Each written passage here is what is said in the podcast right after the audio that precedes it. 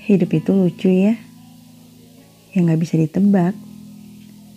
Terkadang seseorang yang kita anggap akan bertahan lama dan selalu ada, malah beringsut pergi dan meninggalkan. Malahan, orang yang hanya diajak bicara seadanya dengan respon biasa, dia yang memilih untuk bertahan cukup lama. Hidup itu emang lucu. Kita manusia cuma bisa berencana kan? Akhirnya yang menentukan itu semua tetap si yang pencipta.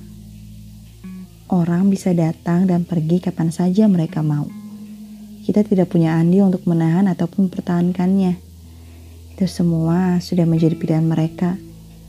Terkadang, di saat kita berusaha mati-matian untuk suatu hal dan akhirnya gagal, mulailah keluar sumpah serapah dari mulut ke dunia. Siapa pun yang terpikirkan saat itu menjadi seseorang yang paling bersalah. Menyalahkan apa pun yang terjadi. Padahal bisa jadi yang baik menurut kita belum tentu yang terbaik menurut Sang Pencipta.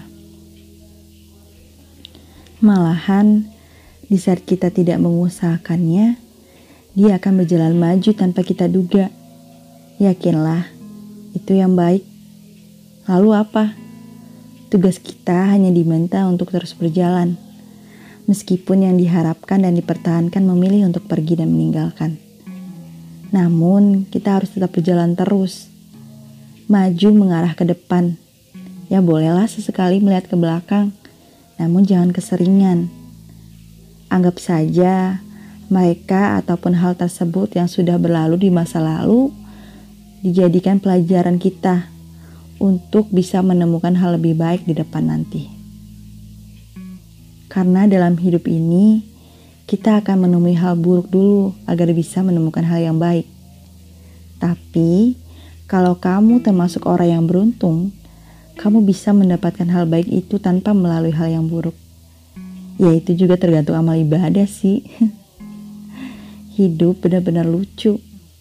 Ya kayak aku aja nih Dulu gak pernah kebayang bisa jadi orang bijak kayak gini.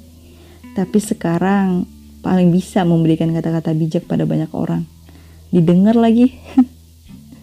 Sepertinya hal itu terjadi karena dari dulu aku selalu menjadi tempat bercerita untuk orang lain.